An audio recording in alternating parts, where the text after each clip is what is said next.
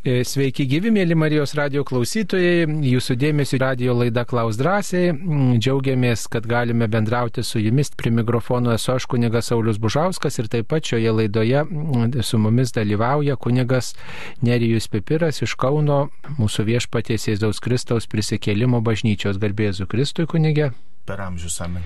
Tai ačiū, kad jūs skiriate e, šį laiką Marijos radio klausytojams ir tikrai esate pasiruošęs atsakyti į vairiausius klausimus, kad jūs e, tikrai esate didės Marijos radio mylėtojas, talkininkas, mūsų tikrai nuoširdžiai jums dėkojame. Na, pradedame jums atsakinėti, mėly Marijos radio klausytojai, jūsų klausimus. Taip, turime jau keletą žinučių. Ar kunigas gali neišklausyti žmogaus iš pažinties, kokie atvejai?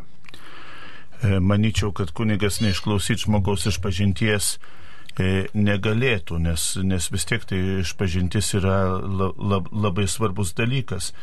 E, kitas, kiti atvejai, kai pavyzdžiui, kunigas galbūt turi truputėlį pakoreguoti žmogaus išpažinti, kai kalbama apie, apie bet ką, bet, bet neįsakoma nuodėmė, tai, tai, tai nereiškia, kad kunigas išpažinties neišklauso. E, ir visada stengiamas išklausyti išpažinties ir kartais net ir atrodo kalbantis su žmogumi, e, belieka pokalbio pabaigoje tik tai duoti išrišimą. Tai irgi yra, irgi yra išpažintis. Taigi tikrai manyčiau, kad e, iš pažinties neišklausyti kunigas, e, kunigas negali.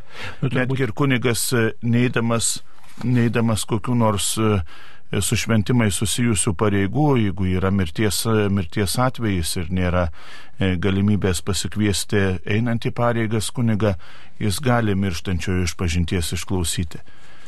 Na, turbūt dar yra toks vienas atvejis, kai, reiškia, jeigu kunigas e, turėjo kažkokį e, nu, vat, nusidėjimą su žmogumi prie šeštą Dievo įsakymą ir tas žmogus ateina pas jį iš pažinties, tai yra turbūt vat, kanonai numatę, kad tokiu atveju negali duoti išryšimo, bet e, turbūt žinodamas kunigas, ne, kad tas žmogus štai vat, dalyvavo nuodėmiai kartu su juo, tai tada e, tokiais atvejais nu, turbūt turėtų atsisakyti išklausyti iš pažinties, nes žino, kad vat, negalės suteikti tam žmogui išrišimo.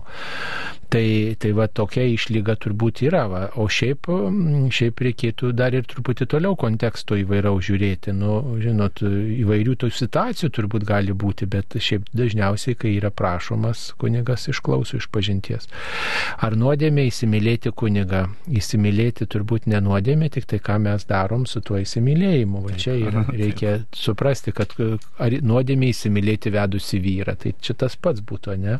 Jeigu vyras vedęs, jeigu kunigas įsipareigoja šventimams, tai jisai nepriklauso jau, jau kažkam vienam, kitam. Jis kaip, kuni, kaip vyras priklauso šeimai, kitai moteriai, sudaręs santoko sakramentą, jis, jis kaip sako, jau, jau yra ne man skirtas ir tiesiog mylėti, tai ir ką reiškia žavėtis, e, gerėtis, tai reiškia galbūt trokšti, bet ką su tuo, su tuo aš toliau darau. Truputėlį galbūt, galbūt ir pajuokausiu, kaip teologijoje sakoma, kad kuningas atstovauja Kristų, taigi mes įsimylėdami e, kunigą mes kartu įsimylime Kristų, o Kristumi žavėtis e, mums krikščionėms netgi yra būtina. Taip, man ne visai aišku, kas yra šventa visuotinė bažnyčia. Čia mes tikėjimo išpažinime tokią maldą kalbame, tokią formulę tikiu šventą visuotinę bažnyčią. Šventa visuotinė paštalinė bažnyčia. Tai kas yra visuotinė bažnyčia, kaip mes galėtume paaiškinti? Man atrodo, kad e, visuotinė tai yra paplitusi po visą pasaulį, visose, visose tautose. Ir šiandieną tikrai praktiškai nėra tautų, pasaulyje, kur nebūtų katalikų, kur nebūtų, kur nebūtų krikščionių. Taigi tas paplitimas po visą pasaulį reiškia bažnyčios e, visuotinumą. E, kuria prasme bažnyčia yra šventa viešpats, viešpats Jėzus, kaip mes kalbame švenčiausiosios trejybės pagarbinimo maldoje arba kaip mes mokėmės per katekizmo pamokas e, viešpats Jėzus yra antras švenčiausiosios trejybės asmuo, e, tikras Dievas ir tikras žmogus, jis yra bažnyčios, e, kaip čia pasakyti, steigėjas, pamatas, jis yra Dievas šventas, tai todėl jo ir, ir, ir kūrinys bažnyčia yra šventa. Taip, e, tai e, čia e, tas visuotinumas tai yra dėl to, kad yra visoms tautoms skirta, visoms tautoms, visiems žmonėms. Ir visi žmonės pašaukti būti Dievo tautos nariais, jeigu tik tai priima Kristų, pritarė jam ir nori sekti juo kaip Dievu ir žmogumi, kuris atėjo visų mūsų išgelbėti. Ir tas vienybės vienybės ryšys su Kristumi ir su kitais tikinčiais žmonėms reiškia tą visuotinumą. Kristus mus visus suvienyje ir net ir ta mūsų vietinė bažnyčia yra e, dalis tos visuotinės didelės bažnyčios, kuri yra po visą pasaulį išplėtus ir kuris kelbė Evangeliją įvairiomis aplinkybėmis. Tai visuotinė reiškia skirta visiems žmonėms, net ir tiems, kurie e, netiki Kristaus, e, net ir nekrikščionės ir tie, e, na ir jie pašaukti į šventumą, pašaukti sekti paskui viešpatį, e, atsiversti, atrasti Dievą. Taip, ar mintis gali būti sunki nuodėmė? Be abejo, nuodėmė prasideda nuo minčių, kada mes, mes sugalvojame savo veiksmų planą ir, ir po, po juo pasirašome. Jeigu mes pasirašome po e, sunkia, sunkiu, taip sakant, planu, tai, tai ir, ir galbūt ir net ir mintis e, gali būti kaip sunki nuodėmė. Nu, turbūt reikia pasakyti, kas yra toji sunki nuodėmė. Tai yra, e, iškai, trys sąlygos turi būti. Pirmiausiai svarbus dalykas, svarbus dalykas, toks e, toliau yra aiškus pritarimas, kada aš aiškiai pritariu tai nuodėmiai, kuri yra vat, svarbi. Čia šitam dalykai mes galim, galim ir atsakyti į klausimą, jeigu me, aš e, pritariu, sąmoningai suvokiu, kad, kad mano mintys yra, yra blogos, mano, mano planas yra blogas, tai tada ir, ir, ir ta nuodėmė prasidėjusi nuo minčių yra, yra didelė. Taip, kada, reiškia, aš, kada yra svarbus dalykas, aiškus pritarimas ir toksai e, pažinimas turbūt to, to, to, to nu, kad tai yra nuodėmė. Va ir nei kiek nesipriešinu tam dalykui. Tai va to, tokie, tokios, va, tokie aspektai, jie, jie va, tą nuodėmę padaro sunkia vienam ar kitam dalyke. Taip. E, žiūrime e, toliau, kas, kokios žinutės mums atsiustos, kaip suprasti praktiškai sekuliarų pasaulį, sekularizaciją.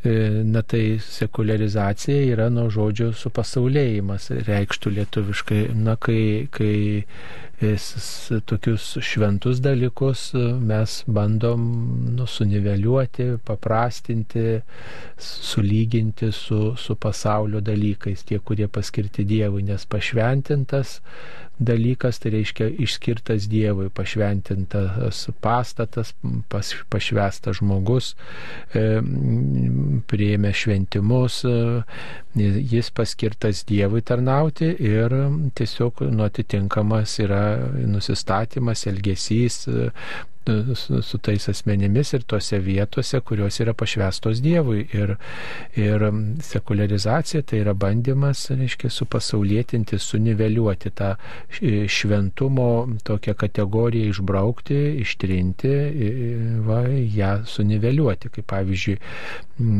sakykime, toks aspektas apieigose, ne, kai, kai koncertai vyksta, kai vyksta kažkokie pasaulietiški renginiai, ne, ne Dievo garbiai skirti, ne su kultu skirti, ne su tikėjimu, ne su malda skirti renginiai, pavyzdžiui, bažnyčioje, ne, kai, kai vyksta tokie, va, nu, visokie um, susitikimai tokie, kuriuose nu, nėra tiesiogiai išlovinamas Dievas. Aišku, viskas į Dievo garbiai krypsta, bet pirmiausiai sakralios vietos, sakralūs daiktai, sakralūs sakralūs asmenys yra skirti e, Dievo garbinimui. Čia yra tas, tas pagrindinis tikslas ir tiesiog tą reikia labai kažkaip ginti. Kaip ir pavyzdžiui knygos pašvestos maldai, nemaldaknygės, šventas raštas, kažkoks, aiškiai, mišių, mišiolas, mišių tekstai, tai na, va, jie kitiem tikslam negali būti naudojami. O šiaip plačiaja prasme sekularizacija tai bandymas turbūt yra E, visiškai išeliminuoti, išbraukti tikėjimo vertybę, tikėjimo darybę iš žmogaus gyvenimo, tiesiog ją sumenkinti. Taip, du žiūrim, kas dar mums atsiusta. Ar raudono siūlo šventinto Izraelyje ant riešo nešiojimas nuodėmi? E, na, reikia turbūt truputį pasiaiškinti, kokiom aplinkybėm ir ką tas siūlas reiškia. Ta, ta, kiek prisimenu, ten nešiojami kažkokie, e, kažkokios virvelės e, Izraelyje o, o, tikinčių žydų, tam, kad jie primintų, jog jie yra iš žemės atėję ir į žemę sugrįžta tokį savo laikinumą, kad dulkė esi žmogau ir dulkė pavirsi. Tai tokia virvelė yra jų dažnai nešiojama ir, ir prie rūbų prisekta ir jie, jie dažnai tiesiog laiko rankose prie rūbų pririšta ant E, ant riešo nešiojimas gali būti susijęta su kažkokia magija ir kažkokiais burtais. Šiaip, e, šiaip nemanau, kad tai būtų kažkas su krikščionybė susiję, neteko girdėti, kunigė, gal jūs kažką mm. žinot?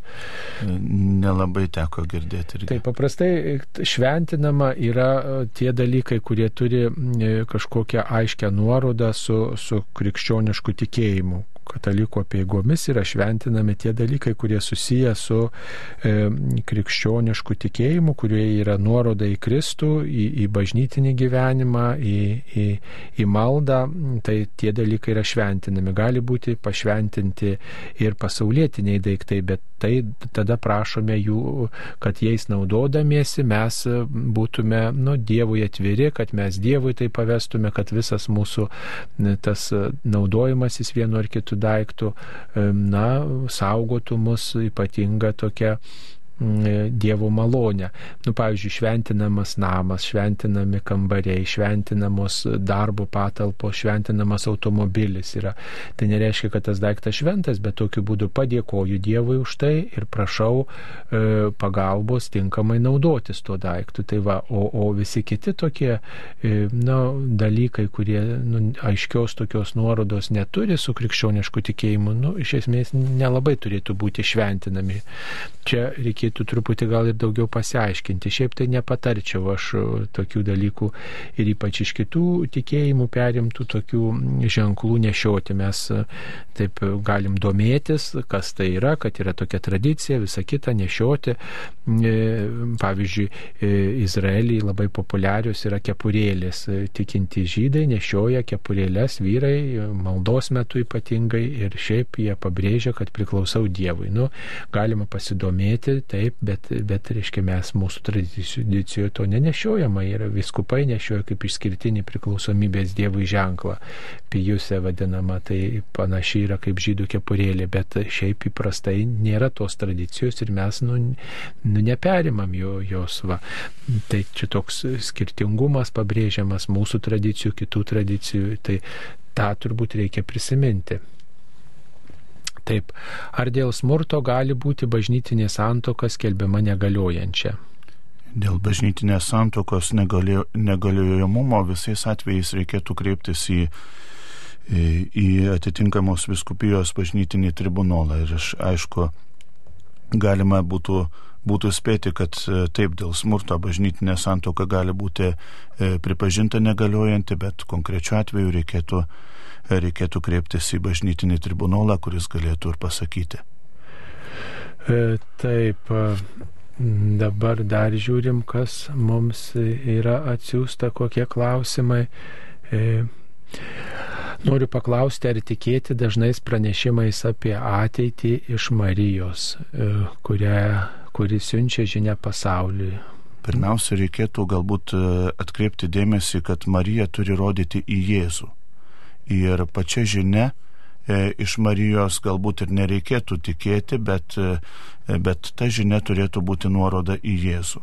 E, jeigu žinia kalba apie, apie Jėzaus, Jėzaus valią, apie tai, ką, ką Jėzus, Jėzus sakė, ko, Jėzu, ko Jėzus mokė, apie tai, kas, kas yra rašoma Evangelijoje ir bažnyčios mokyme, tuomet e, tikrai tai yra Marijos pagalba mums, kad mes, mes nepaklystumėm šitam tam e, taip suniveliuotam pasaulyje. E, kaip minėjau, e, Marijos žinia turėtų būti nuoroda į Jėzų. Jeigu taip yra, tikėkim. Jeigu yra kažkokios kitos žinios išvedžiojimai ar, ar, ar dar kažkas, tada galbūt ir, ir reikėtų truputėlį, truputėlį atsargiau žiūrėti. Mm, taip, e, dar viena žinutė. Noriu pasidomėti, ar kartais patys kunigai nebijo stebuklų, e, kad iš tikrųjų yra Dievas. Na, stebuklų tai kartais gal iš tikrųjų reikėtų truputį ir prisibijoti, nes stebuklai jie neaiškios kilmės gali būti ir, ir nu, stebuklai, žinot, jie e, tokio atskiro ir tyrimo, tyrimo vis dėlto reikalauja. Tai čia taip jau reikėtų labai atsargiai visada į tuos stebuklus žiūrėti. Kita vertus, priimti, kad tai yra Dievo veikimo ženklai, kurie įpareigoja. E, jeigu yra neįtikėtinų dalykų žmogaus gyvenime, tai reiškia, kad yra vis dėlto kažkokia jėga, kuri leidžia tiems neįtikėtiniams dalykams įvykti. E, ir aišku, visada galima tai paaiškinti atsitiktinumu, kažkokiu sutapimu ir panašiai, bet suprantam, kad kad nu, vis dėlto yra tam tikras planas, kuris vat, tą leidžia sutapimą e, pamatyti, pastebėti. Ir, ir tikinti žmogus vis dėlto tuose sutapimuose, neįtikėtinuose dalykuose, kur pasimeldė ir įvyko, arba ten labai troško, prašė, e, e kažkokią piligriminę kelionę atliko, ilgai meldėsi, prašė kitų maldos, arba padarė kažkokį įžadą ir, ir, ir vat įvyko vienas ar kitas dalykas, tai, tai supranta vis dėlto tikintieji kaip tam tikrą Dievo pagalbą, Dievo įsiveržimą į žmogaus gyvenimą, kad vienas ar kitas dalykas įvyko. Ir kunigai, kaip ir žmonės, jie taip pat tikėjimą įvairių turi turbūt, tas tikėjimas yra ir išbandomas, ir, ir kažkada galbūt ir susviruoja, ir, ir tikrai niekas nėra apsaugotas nuo, nuo tos netikėjimo pagundos, ne? tai e, yra, kad ir kunigas praranda tikėjimą tokiu atveju pasitaikė tokie yra, ne, ir žinom apie tokius atvejus, bet tai už tai ir reikia melstis už kunigus ir palaikyti juos, na, va, ir kartu patiems stiprinti tikėjimą.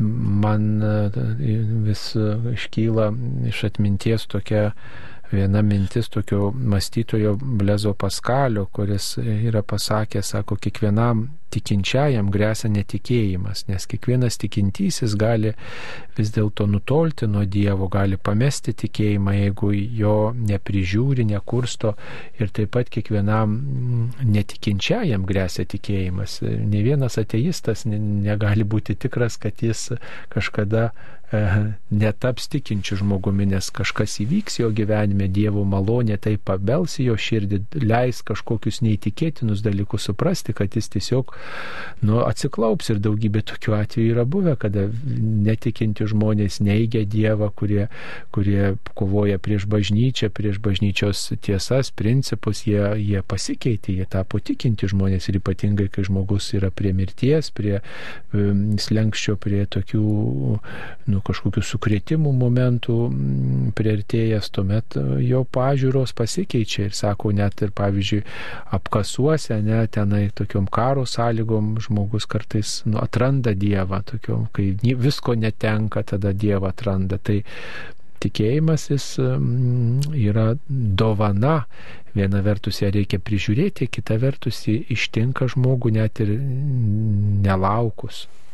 Ir man atrodo, mes e, kartais e, perdėm susiaurinam tą e, stebuklų apibrėžimą. Mums atrodo, kad stebuklai turi būti tik tai tai, kas, kas kaip lyta nukritę, nukritę iš dangaus ir kas turėtų būti, būti vien tik tai nepaaiškinami, atsivertimas, dar kažkas ir panašiai, ar tenai šventųjų koks nors pasirodymas neaiškus ir panašiai. Visgi stebuklas galėtų būti ir ta kiekviena diena, ir kiekvienos dienos prieimimas kaip stebuklas, tai man be abejo yra, yra priimtina ir, ir aš kiekvieną dieną išgyvenu tarsi stebuklą. Ir vėlgi būdamas šventovėje, ar, ar Šiluvoje, ar, ar pavyzdžiui, neseniai teko būti Sokulko šventovėje, aš melzdamasis juntu, juntu ramybę ir tai yra taip pat stebuklas. Taigi tų kasdienių stebuklų ne visi kunigai bijo. Taip, dar viena žinutė Sūnus devyniarių metų patarnauja šventoms mišioms, klebonas atsilygina duodamas vieną eurą. Ar tai nėra blogai? Aš jam sakau, kad patarnauja pačiam Jėzui, o sūnus, matau, džiaugiasi ir atlygiu. Taigi, kaip galėtume atsakyti? Kaip šventam rašte yra pas, pasakyta, darbininkas vertas savo užmokesčio. Iš tikrųjų, šitas e, klausimas atrodo toks, e, toks paprastas, bet, bet kartu ir, ir e, slidokas klausimas. Jeigu žmogus patarnauja tik tai dėl to, kad kad jam yra duodamas, duodamas užmokestis už, už šventasias mišes, tai, tai nėra gerai. Vis dėlto iš kitos pusės ir tas tas euras turėtų būti paskata eiti gilin, e, ieškoti atsakymo, kas yra šventosios mišios, kaip sutikti šventosiose mišiose e, patį Jėzų ir tai būtų kaip ir paskata, kad, e, kad žmogus ateitų į šventasias mišias ne tik tai kartą per metus, bet ir kiekvieną sekmadienį. Tai, tai vėl yra, yra du tokie, tokie dalykai, kurie, kurie yra tam tikrą prasme slidoki, kaip minėjau. Taip, tai e, žmogus, kai dovana gauna, džiaugiasi, bet vien tik dėl dovanos darbuotis tikrai nereikėtų, kaip sakant, gauni gerai, nu negauni, ką darysi, gal kitais būdais viešpats atsilygins už įdėtą triūsą, kurį mes jo garbiai, jo garbiai skiriame. Taip, dabar dar viena žinutė, kokie yra porciunkulės atlaidai, nuo ko kilęs toks pavadinimas. Taigi, porciunkulės atlaidai tai yra mm, tie atlaidai, kurie švenčiami rūpiučio antrą dieną e, šventojo pranciškaus asižiečio prašymų, troškimu. E, Pranciškus iš Asyžiaus 13 amžiuje, berots 1216 metais, e, meldėsi ir tiesiog troško troško at, bažnyčios atnaujinimo ir troško, kad e, toje mažoje bažnytėlėje, kurioje jisai meldėsi, prie kurios buvo labai prisirišęs, kad lankytųsi žmonės ir kad e, toji bažnyčia būtų atnaujinta, atstatyta. Tai Pranciškus, e, Pranciškus prašė ir popiežiaus tų tokios atlaidų malonės ir tą atlaidų malonę gavo, kad kas tik tai apsilankys toje mažoje bažnytėlėje, e, kuri yra visuotinės bažnyčios dalis, gautų atlaidus.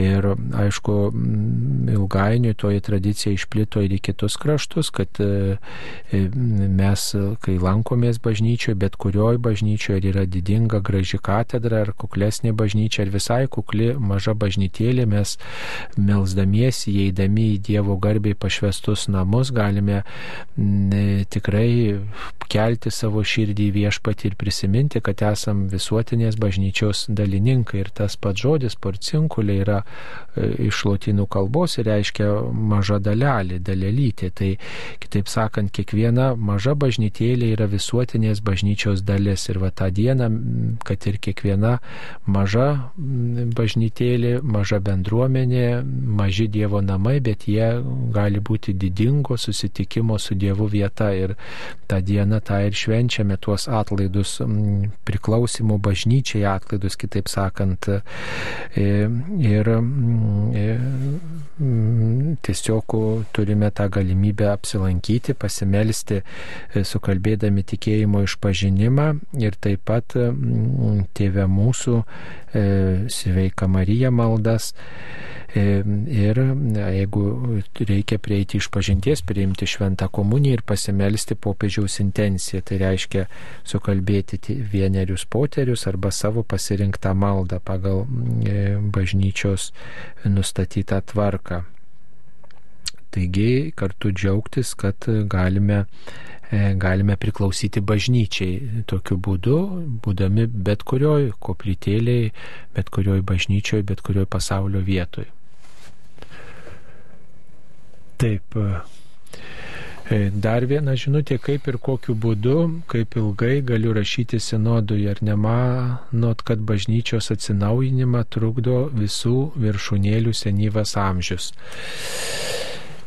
Na tai nežinia, kas trukdo bažnyčios atsinaujinimui, turbūt nesenyvas amžius trukdo, bet piktasis, kuris pasinaudoja įvairiausiais būdais, kad kad e, tiesiog nu, nevyktų tikrai evangelizacijos darbai, kad e, striktų žmonių tikėjimas, kad žmonės toltų nuo Dievo, tai čia yra pirmiausiai piktojo troškimas ir, ir mm, įtaka. O, o kuo pasinaudoja, kartais ir jaunų amžium pasinaudoja, ne tik senyvo amžium. Tai e, jaunimas, pavyzdžiui, per abejingumą, per paviršutiniškumą taip pat padaro meškos paslaugą kartais bažnyčiai dalyvauja kokiam renginį ten, oi, kaip smagu, kaip gera, kaip, kaip čia džiugu ir paskui viskas tuo pasibaigia ir daugiau nebenori. Nu, tai prie ko tas, tos viršūnėlės gal kartais ir kviečia, ateikit, ateikit, ateikit ir va, paskaitykit ir skaitinius, ir grokit, ir gėdokit, ir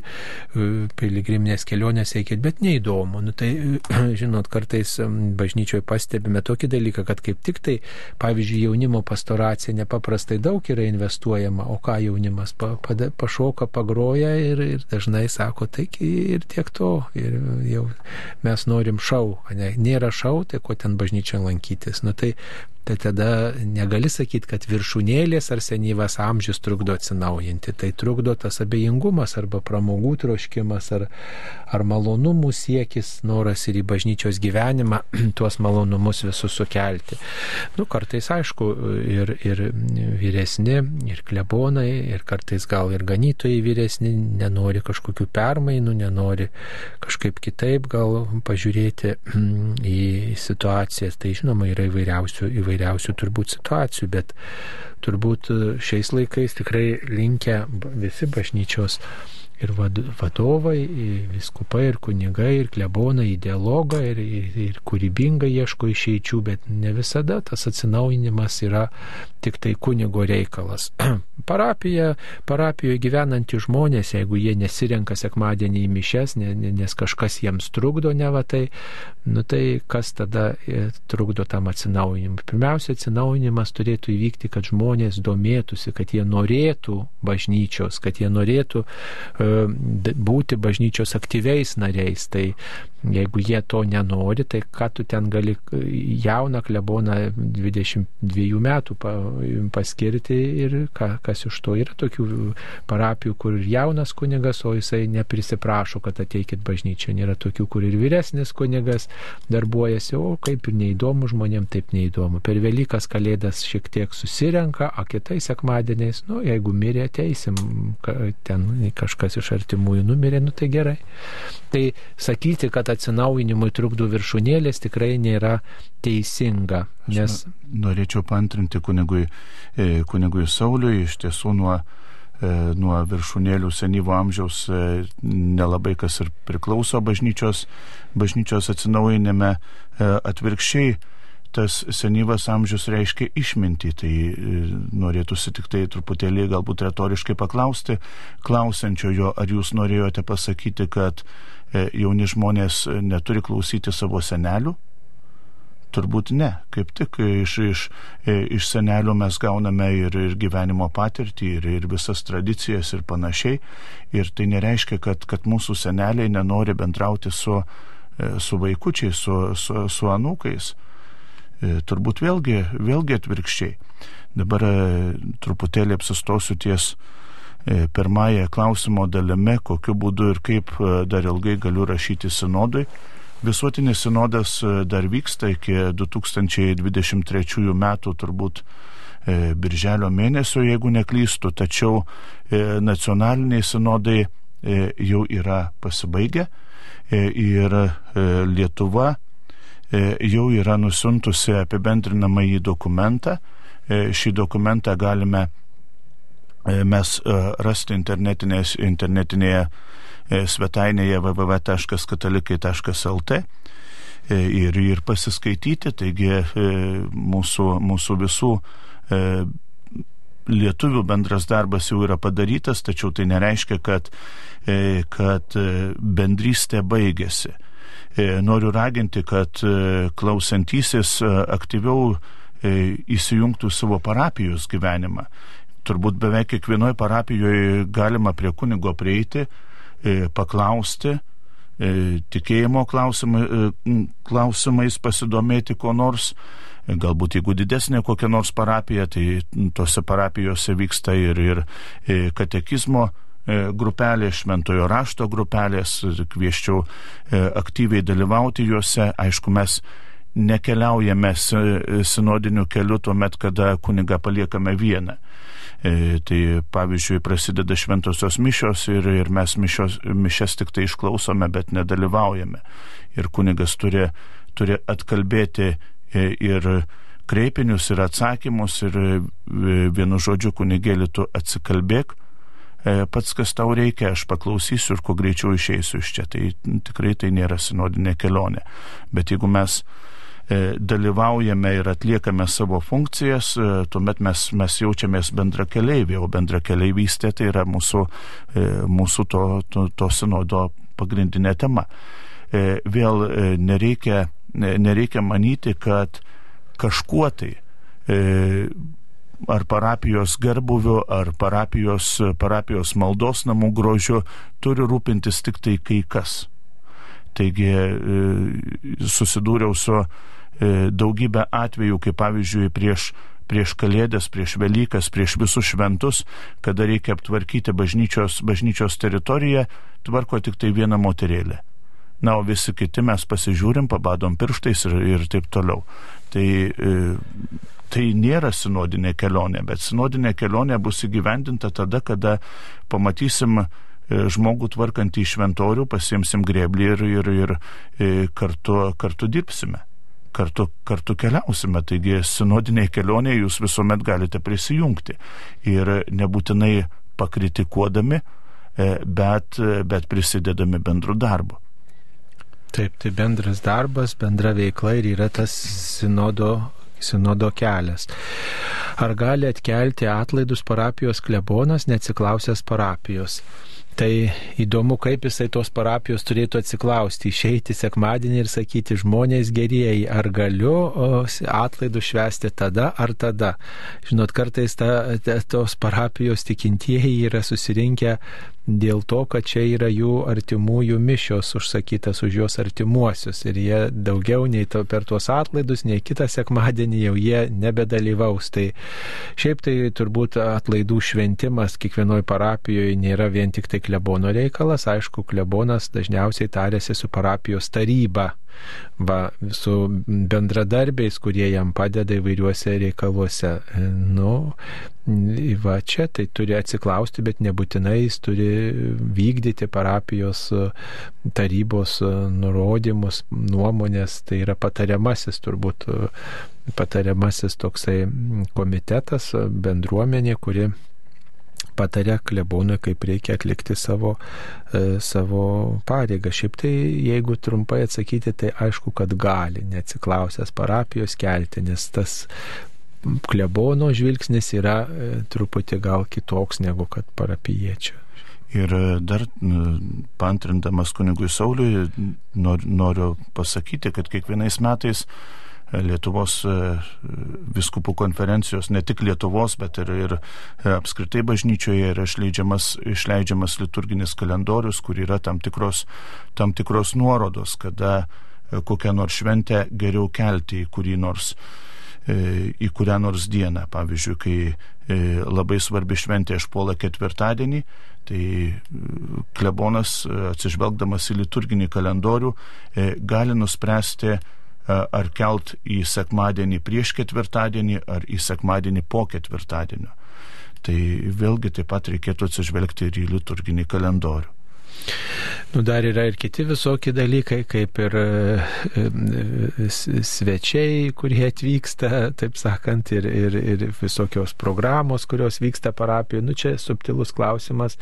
Aišku, e, susipriešinti nenorintis su parapija klebonas, tai tikrai tarsi su tai žmonėmis, kurie yra jo bendradarbiai. Tačiau na, klebonas atsakingas už parapijos dvasinį gyvenimą ir prisima atsakomybę.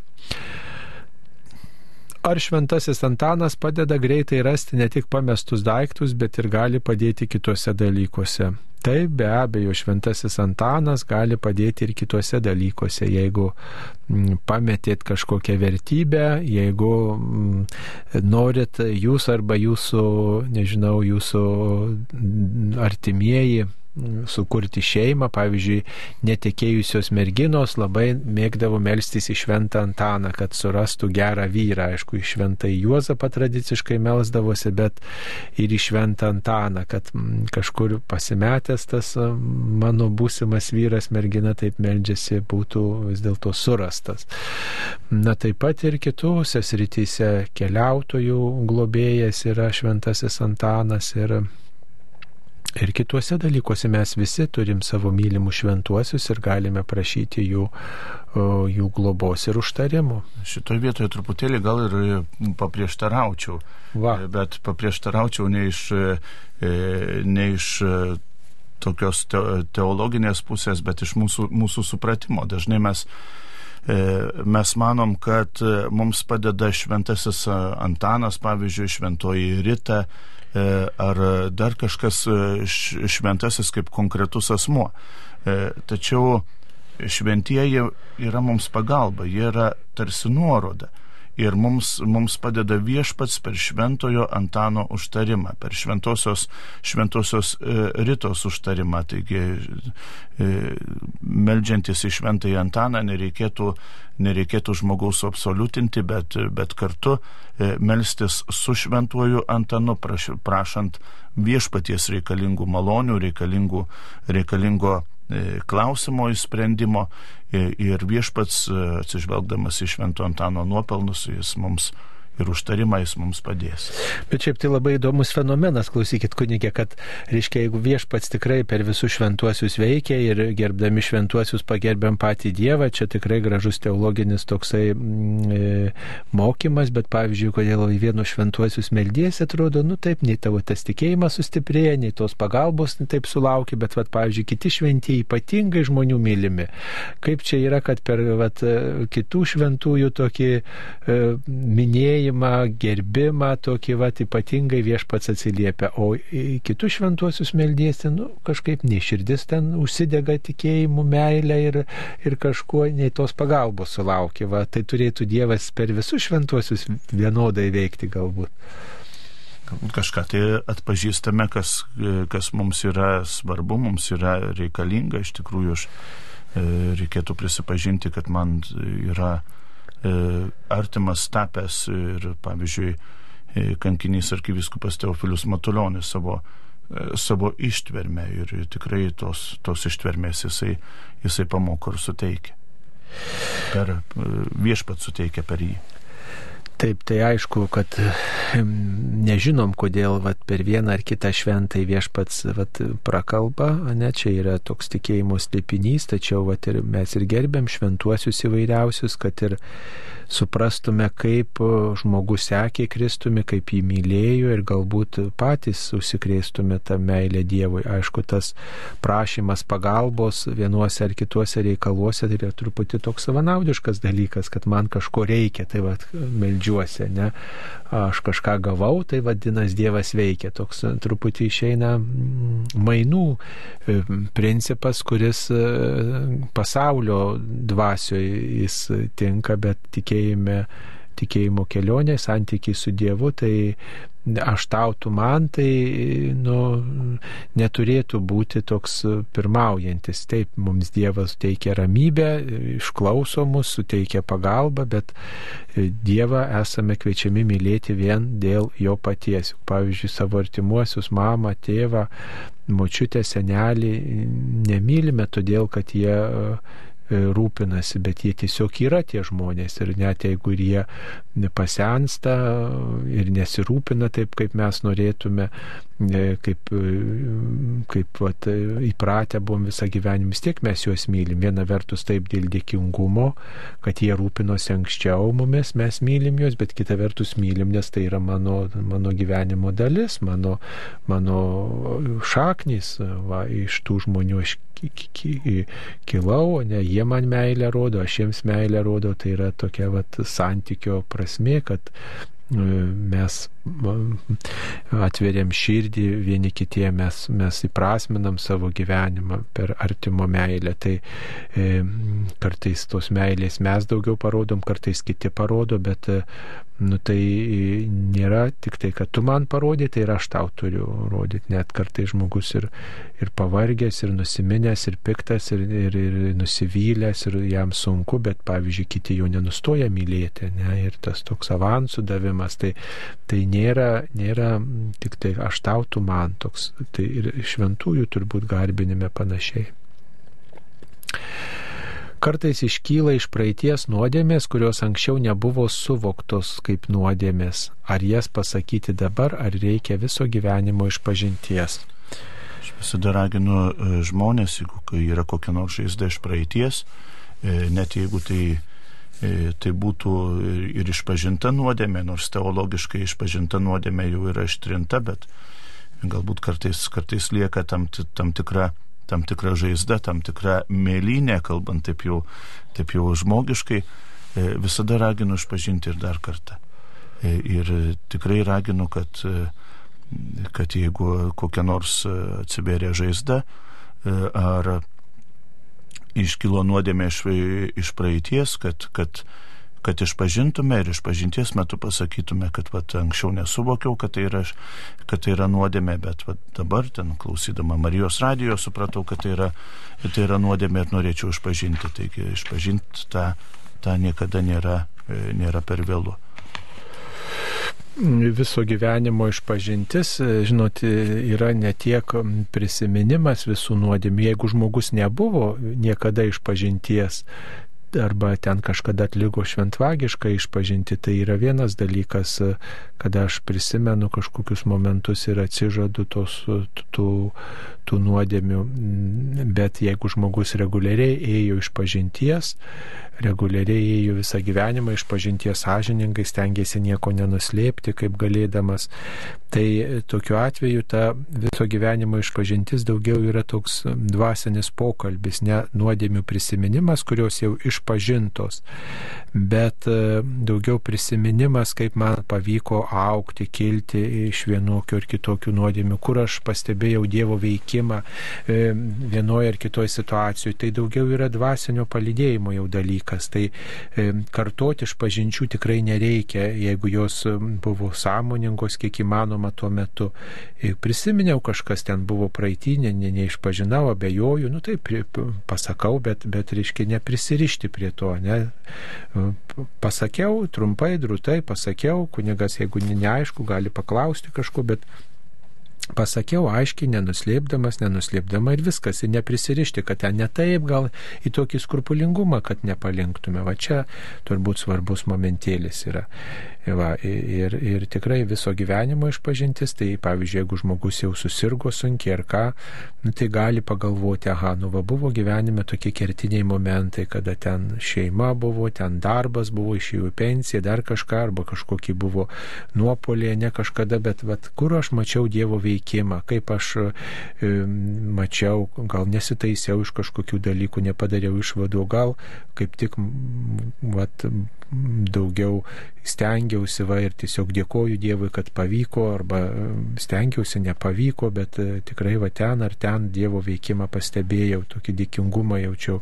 Tai daugiau toks dėkingumas ir ta tokia gyvenimo apžvalga, kaip man pavyko eiti tikėjimo keliu. Į tai labiau reikėtų koncentruotis tą visą gyvenimą, ne tai, kad ten prisiminti. Nu, neprisiminsi žmogautų nuodėmį, nu, neprisiminsi, nebent tu netlikai tos išpažinties niekada gyvenime, nu, tai tada gal kažkokius kertinius momentus prasminga prisiminti, bet, e, bet kitu atveju tai apskritai va, pažvelgti į gyvenimą su dėkingumu ir su tokiu troškimu pastebėti Dievo darbus mano istorijoje. Tai tada skatina, žinot, tą tokį santykį su Dievu pagilinti, tą meilę Dievui. Ir, ir va tada yra ta dvasinė tokia nauda, kaip sakytume, dvasinis džiaugsmas artėti prie viešpaties. Taip, dar nori čia sužinoti žmogus apie šeštą Dievo įsakymą. E, pasakėt, kas nusidėjo, kunigas neišklausys ir neduos išryšimo. Na, yra toks dalykas, yra kelios, e, ke, keli tokie atvejai, kurie, e, kurių atleidimas e, rezervuotas apaštalų sostui. Štai pavyzdžiui, jeigu kunigas turi intimius santykius su moterim arba su vyriškiu, ne? Ir tas žmogus ateina, e, tos nuodėmės bendrininkas pas tą kunigą ir sako, kunigė, tokia situacija, aš va čia nusidėjau su, su kunigu, turėjau santykius, viską, tai kunigas negali tam žmogui suteikti išrišimo, nuodėmės bendrininko išrišimas. Tai vadinasi, tai e, normaliai tas žmogus turėtų eiti pas kitą kunigą, ne pas tą, pas kurį, su kuriuo turėjo kažkokį ne, neleistiną santyki, pažeidė šeštą Dievo įsakymą. Tai turėtų tas žmogus eiti pas kitą kunigą, o ne pas tą, su kuriuo turėjo kažkokį neleistiną santyki. Va taip maždaug reikėtų suprasti. Nes kunigas negali išrišti bendrininko prie šeštą Dievo įsakymą, va, jeigu jisai yra tos nuodėmės bendrininkas. E, tai, tai taip atsakytume, nebent kunigė kažką pridėtumėt. Nieko net, neturėčiau taip. pridėti. Dabar dar žiūrim, kas mums atsiusta. Stengiuosi būti gera krikščionė, stengiuosi nedaryti nuodėmę, todėl per išpažinti nelabai ką turiu pasakyti, kaip elgtis. E, nu tai ačiū Dievui, kad jūs stengiatės būti gera krikščionė ir stengiatės nedaryti nuodėmių, bet reikėtų taip truputį kūrybingiau pažiūrėti, ne pažodžiui į tas e, nuodėmės, kurios surašytos, pavyzdžiui, maldaknygiai. O beje, reikėtų tikrai prieš išpažinti pavartyti maldaknygę, kur yra e, sąžinės apžvalgėlė, ten tuos klausimus pasvarstyti. Manau, kad jeigu taip sąžiningai jūs pažiūrėsite, tikrai surasite.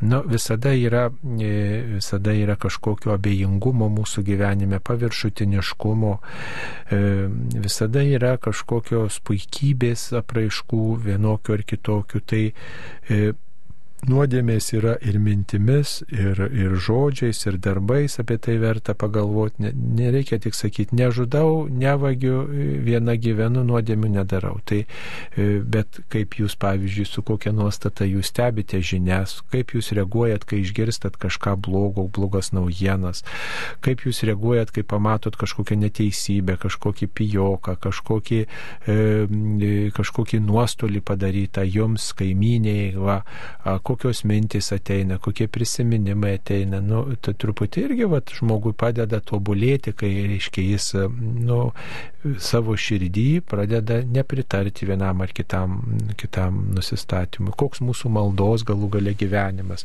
Žinokit, nėra tokio žmogaus, kuris nuodėmių nedarytų. Jeigu žmogus sako, aš jokių nuodėmių nedarau, tai jau daro iš karto dvi nuodėmės. Tai yra tinginystė, jisai tingi tiesiog nagrinėti savo gyvenimą, tingi eiti dvasinio gyvenimo keliu. Toliau yra melas, e, meluoja jisai, jis apgaudinėja save ir kitą. Ir dar yra puikybė, ne kad jis išpuikęs ir jis nepastebi tų nuodėmių. Nu, jeigu, žinot, popiežiai šventieji, e, žmonės sako, kad neteidavo kiekvieną dieną iš pažinties arba ten pastebėdavo, kad bent septynis kartus per dieną padaro kažkokias nuodėmės, vieną ar kitą. Tai Tai turbūt tikrai, tikrai yra tų nuodėmių, tik tai, kad mes jų nepastebime. Nu, yra tas, žinot, ir maisto dalykuose tas saikas, artimo meilė, artimo meilė tiesai niekada nėra gana. Ar tikrai pakankamai myliu kitus, ką darau, kad tą meilę parodyčiau, ne?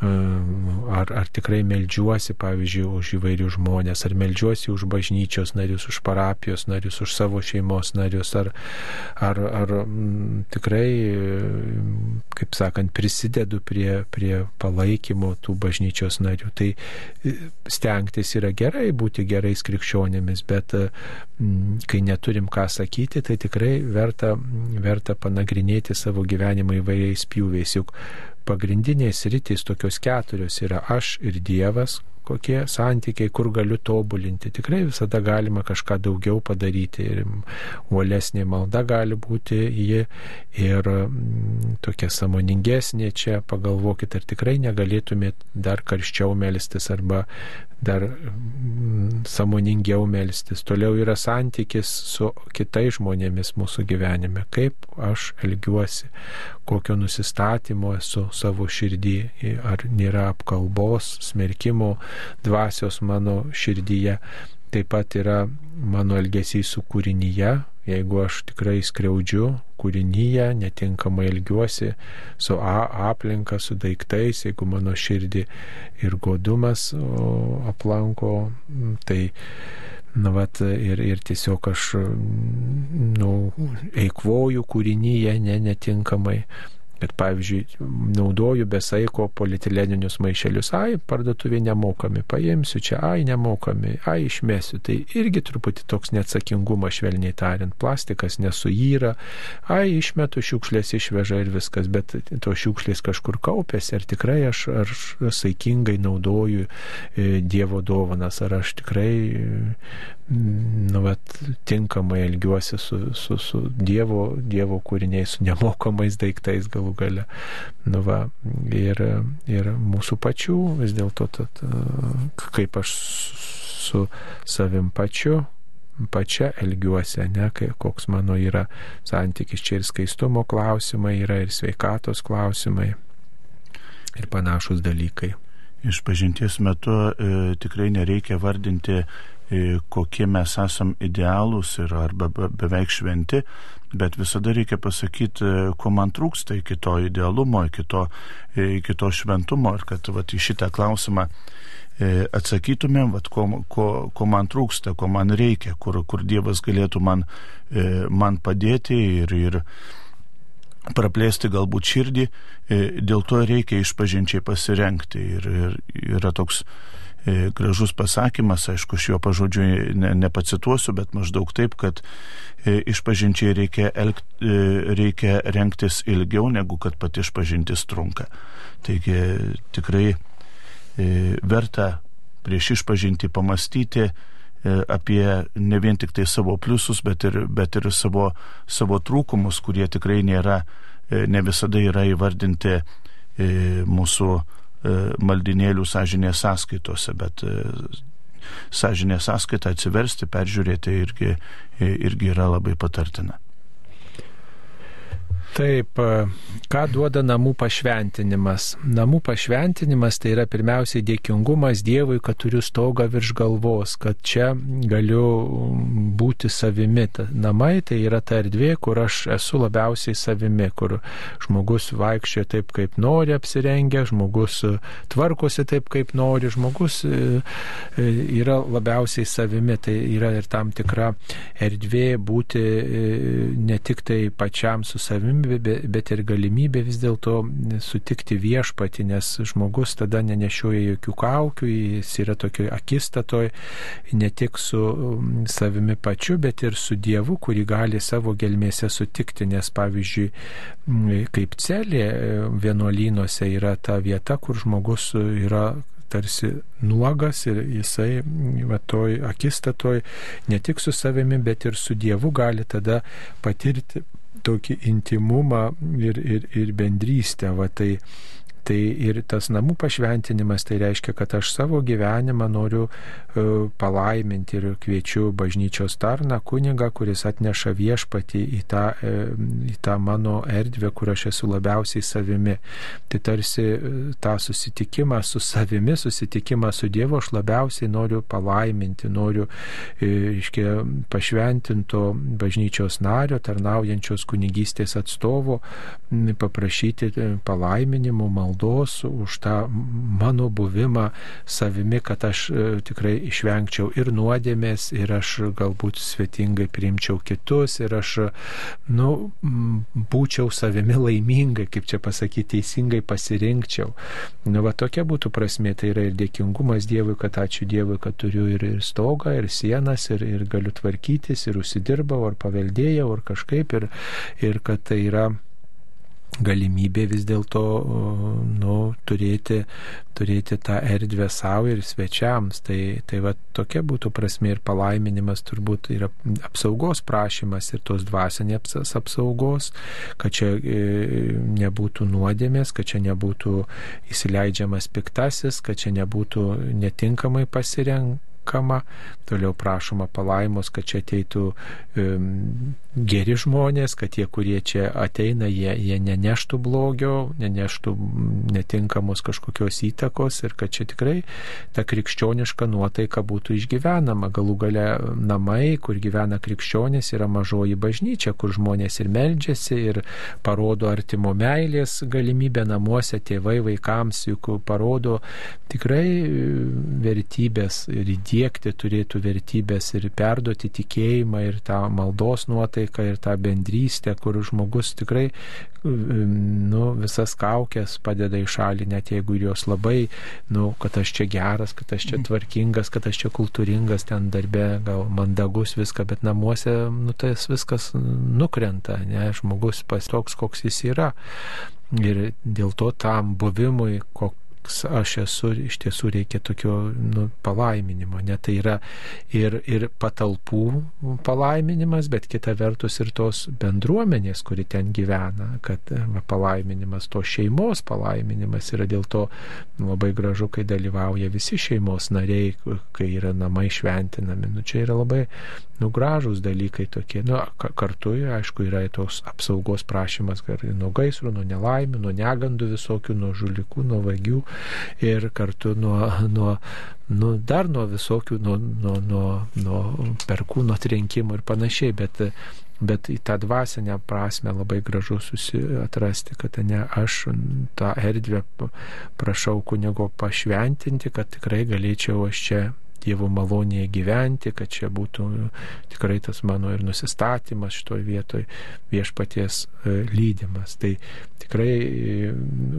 taip sakant, gera yra susitikti toje aplinkoje, kur esu savimi ir bažnyčios atstovo, parapijos kleboną ar vikarą, e, ar taip kuniga. Ir, ir kartu, kartu galbūt ir, ir pabendrauti, ne, gal pasakyti kažką tokio, kas, ką nedrįsčiau pasakyti bažnyčioje, gal patvirauti, žmogus nori apie savo istoriją. Tai labai gražus tie susitikimai su namu, kai šventinami namai. Yra viena vertus pamatai tą žmonių ir, ir situaciją, kokioje gyvena, kita vertus ir tas nuoširdus tikėjimas yra, vat, ir matai, kai žmogaus ir maldos kampelį, kokį jis turi, va, ir kartu tą kartais ir tokį vargą matai, kad tikrai žmogus Merci. Nu, vargingai gyvena, bet yra tikrai kokia yra dvasia jo, tas tikėjimas gyvas, toksai tas troškimas viešpaties gyvas, tikrai labai mielas ir brangus tas žmogus, kuris nori, nori vis dėlto viešpatį įsileisti, ne tik tai būdamas bažnyčioje va, į savo širdį, bet ir namuose kviečia ten, kuris gyvena, kviečia viešpatį, ten, kuris yra savimi, kur, kur tikrai nu, veikia, dirba, valgo, miega, tvarkosi, skaito, dirba kažką, tai ten viešpati pasikviečia, kad viešpats būtų to, to erdvėje per tą palaiminimo ženklą. Taigi, e, Na, dar viena die, e, žinutė, džiaugiasi mūsų klausytoja Vida gražia diena ir klausia, ar gali Dievas skirti didelės kančias vaikams už tėvų, senelių, prosenelių nuodėmės. Nu, žinot, kaip kiekvienas mes atsakomybę turbūt imamės už savo gyvenimą. Viena vertus taip yra, žiūrėkit, jeigu mm, tėvai, seneliai gyveno kažkokį gyvenimą, kuris, na, buvo toksai nepadorus ten, ne, arba ten turėjo kažkokių priklausomybių, e, priklausomybių kažkokių netinkamai gyveno, tai net ir fiziškai fiziškai vis dėlto mes galim paveldėti kažkokias lygas ne, dėl tų, jų gyvenimo būdo. Panašiai turbūt yra ir dvasiniam kelyje. Yra tas mūsų tėvų, senelių tam tikras vertybių pasirinkimas, santykio buvimas su Dievu, su kitais, jis mums turi reikšmės, mes negalim to nuneikti, mes nesam, kaip sakant, atskiros salos, mes susiję esam su savo tėvais, su savo seneliais, su savo e, praeities žmonėmis, tai neišvengiamai tai yra, bet kita vertus yra ir galimybė vis dėlto mums e, prašyti viešpaties išlaisvinimo iš to, kas yra bloga, kas yra netinkama. E, taip kaip e, mes pasirenkam, pavyzdžiui, gyvenimo būdą, gal visiškai kitokį, negu kad turėjo tėvai ir seneliai, matydami, kur tai nuvedė mūsų tėvus senelius. Ir mes pasirenkam sąmoningai visiškai kitaip maitintis, vartoti, nevartoti svaigalus, gyventi kažkaip, elgti su kitais žmonėmis, gal pasirenkam.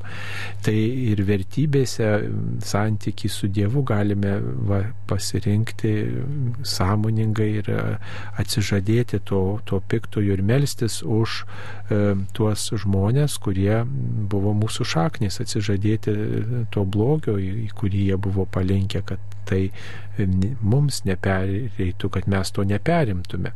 Pavyzdžiui, toks dalykas, sakykime, tėvų skirybos, ne tėvai įsiskyrė. Tai yra labai didelė tikimybė, kad ir vaikai gali pasirinkti tokį gyvenimo būdą. Ir tikrai pastebim tokią tendenciją, kad jeigu tėvai įsiskyrė, tai tada ir vaikai labai dažnai jau yra jie padidinto riziko zonoje savo šeimos problemų sprendimo kelyje. Jiem reikia labai būti sąmoningais, kad nuo šito e, problemų sprendimo atsiribotų tokios problemų sprendimo, ne, kad nekartotų tų klaidų, kurias darė jų tėvai, kad ieškotų būdo, kaip sutarti, kaip e, iš, iš išeities ieškoti. Tai va tas ir yra, ar čia Dievas skiria.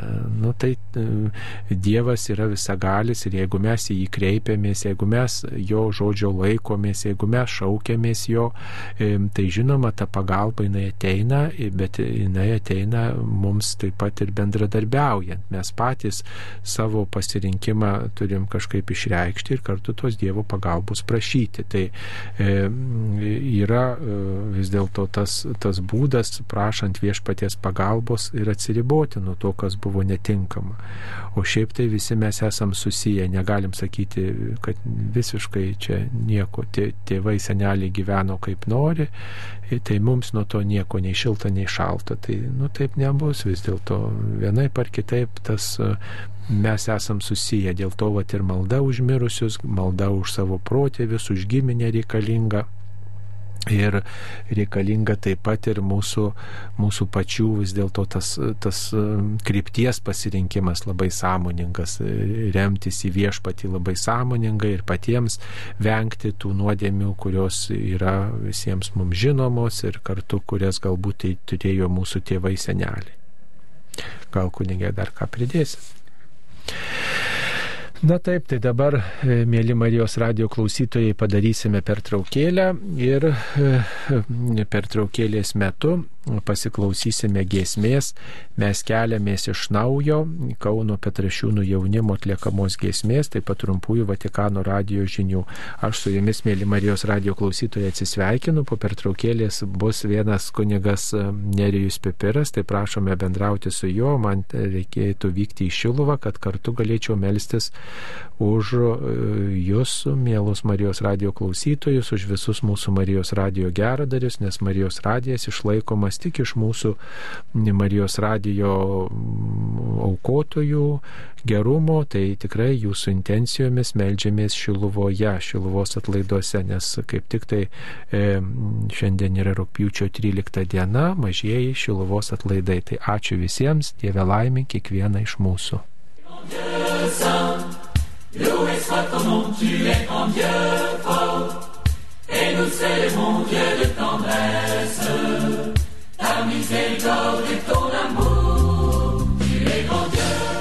Pokalbių laida Klausk drąsiai.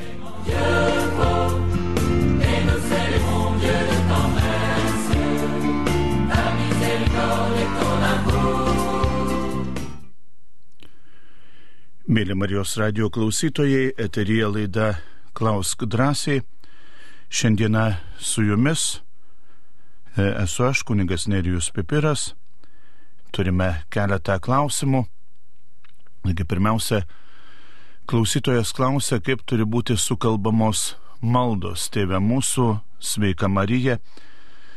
Iš tiesų e, norisi tikrai atkreipti dėmesį ir paprašyti, kad kai mes melžiamės šiomis maldomis, mes e, kalbėkime šias maldas neskubiai, apmastydami e, kiekvieną žodį, apmastydami tai, ko, e, ko prašome, ko, ko vilėmės, kad iš tiesų šlovintumėm viešpatį ne tik tai, ne tik tai lūpomis, bet ir, ir širdimi, ir į kiekvieną žodį, kad įdėtumėm visą save, visą savo širdį. Taigi raginčiau galbūt kartais e, ne, e, nekalbėti milijonų e, tėvę mūsų ir, ir sveika Marijų maldų, bet sukalbėti bent vieną, neskubant. Neskubant, apmastant, apmastant kiekvieną žodį. Taigi, dar keletas klausimų. Klausytojas klausia, kodėl kartais klebonai nerašo re, e, rekomendacijos stojimui į kunigų seminarijas. Nors neturi žalingų įpročių, juk taip trūksta pašaukimų. Taigi iš tiesų e, reikėtų tik tai pritarti klausytojui, tų pašaukimų tikrai trūksta, e, bet kartu seminarijų užduotis yra, kad tie pašaukimai būtų brandus ir parapijos e, klebonas, jisai turi, turi garantuoti, kad e, tas vienas ar kitas žmogus, jisai gebės mokytis, mokytis kunigų seminarijoje, kad jam yra nesvetimos krikščioniškos vertybės, kad jisai geba gyventi krikščionišką gyvenimą, iš tiesų aktyviai dalyvauja parapijos veikloje. E, labai e, svarbus dalykas yra e, ir intelektualinė branda, kad jis galės mokytis, galės, galės suprasti, ko, ko reikalauja bažnyčios, bažnyčios doktrina, kad jis yra galų gale ir klusnus, tai yra ir klusnumas vyskupui ir, ir, ir panašiai, kad jis, kad jis gyvena vertybinį gyvenimą. Ir šitoj vietoj neturėjimas žalingų įpročių e, nepadaro, kad žmogus galėtų, e, galėtų mokytis e, kunigų seminarijoje. Reikėtų, reikia klebonui įsiaiškinti, ar, ar iš tiesų nėra kokiu nors kitų, kitų problemų, kitų kliūčių, kad žmogus negali, negali joje mokytis. Kartais galbūt parapijos klebonas dėl kažkokių tai priežasčių e, nėra gerai, e, gerai nepažįsta e, kandidato, taigi tikrai nori įsiraginti, kad, kad nenusimintumėm ir galbūt kokį nors kunigą mes, mes pažįstame, kuris, kuris galėtų rekomenduoti, kuris, kuris žino apie mūsų, mūsų kaip minėjau, tą vertybinį gyvenimą, mūsų, taip sakant, pliusus. E, dėl ko, dėl ko mes turėtumėm studijuoti seminarijoje ir galėtų, galėtų visą tai, e, visą tai paliudyti. Taigi, jeigu klebonas dėl vienokių ir kitokių priežasčių e, nerašo mūsų, nepažįsta, mes galim kreiptis ir į kitą kokį nors pažįstamą kunigą. Taigi dėkojame klausytojui. Kitas klausimas. Ignas klausė, ar galiu būti diakonu, kokios, kokios dabar sąlygos ir galimybės e, pasiruošimui. E, yra tam tikros, tam tikros nuorodos dėl nuolatinio diakonato, tai yra vedusių diakonato. Kauno arkiviskupijoje yra nuolatinių, diakonat, nuolatinių diakonų ugdymo centras, taigi iš tiesų būtų e, turbūt geriausia kreiptis ten. E, ir e, be abejo, kad mes e, galėtumėm ugdytis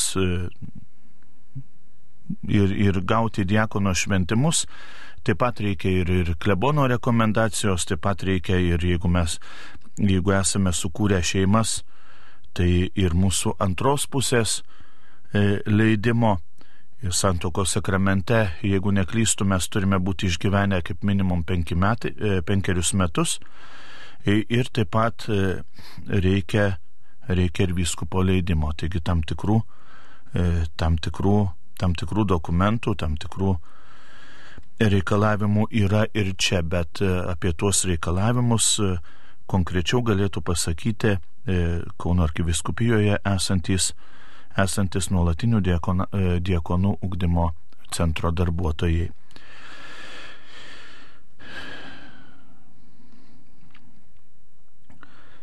Dar vienas klausimas. Ką manote apie rėmėjus, kurie nori, kad jų vardai būtų įamžinti bažnyčios vitražuose, sienose, suoluose e, ir panašiai? Iš tikrųjų, atsakant į šitą klausimą, tai turbūt e, žmonėse, galima sakyti, yra tam tikras, tam tikras genas pagarbos, tam tikras, tam tikras genas įsiamžinimo, noro, kad, kad kažkas tai E, matytų mūsų, mūsų geruosius darbus ir panašiai. E, be abejo, e, įsiamžinti ar tai vitražuose, ar tai bažnyčios, prie bažnyčios suolų užkabinti kokią nors lentutę, kad, kad šitą, šitą suolą fundavo tas ir tas, tai, tai nėra nuodėmė. Tačiau E, vėlgi, ar tai yra būtina, turėtų atsakyti kiekvienas, kiekvienas žmogus asmeniškai. Ir, ir taip pat e, šiandien taip yra tikrai sveikintinų iniciatyvų, kada žmogus e, funduoja vieną ar kitą vitražą, vieną ar kitą suolą, prašydamas, kad jo pavardė nebūtų, nebūtų atitinkamai įrašyta, kad apie jo gerus darbus žinotų vien tik tai viešpats.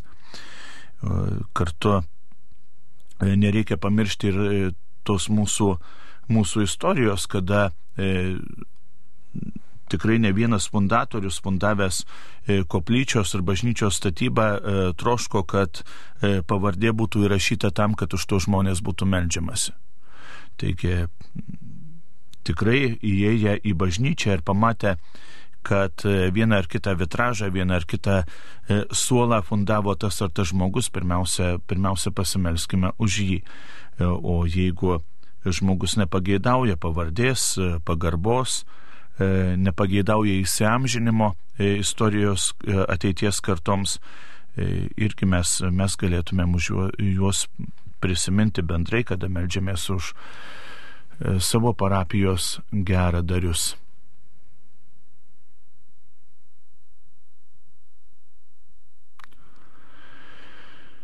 Dar vienas Vienas klausimas. Kiek atverti savo širdį žmonėms, juk tik draugystė su Dievu e, nenuvilia. E, iš tikrųjų, e, žmonėms mes e, nereikėtų galbūt atverti, atverti širdies e, šimtų procentų, bent jau kokią e, vieną kitą procentą ar pasilikim, pasilikim pasilikim savo, kad, kad ta širdis nebūtų, e, nebūtų iš, išpjaustinėta ir, ir, e, ir taip toliau. Ir pasilikim draugystėje su Dievu, kuris, kuris pažįsta mūsų, e, mūsų visas, kiekvieną mūsų lastelę. Taigi tikrai, jeigu mes atsiversim žmonėms 70 procentų, tai galim, galim tą daryti ir, ir galbūt ir nevertėtų viso širdies atverti ir parodyti, parodyti žmonėms, kuriems, su kuriais galbūt yra kokia nors, kokia nors įtampa arba, e, arba baimė ir taip toliau.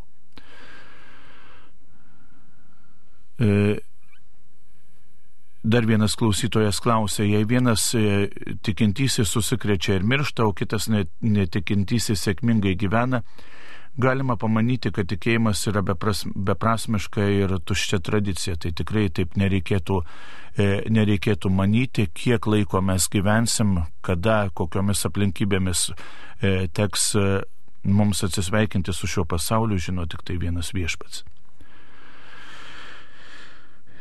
E, ar galiu eiti komunijos, jeigu penktadienį valgy valgiau e, su mėsa? Tai, e, mėla mėla klausytoja, iš tiesų, ar mes galime eiti šventosios komunijos, turėtų atsakyti mums e, sąžinė, iš tiesų per e, šventosios komunijos mes galėtumėm eiti tuo met, kada iš pažinties e, einame bent jau kartą per mėnesį. Taip visada raginu savo, e, savo e, tikinčiuosius, kai, kad iš tikrųjų gailestingumo sakramentas galėtų nuplauti mūsų net ir pačias mažiausias nuodėmes.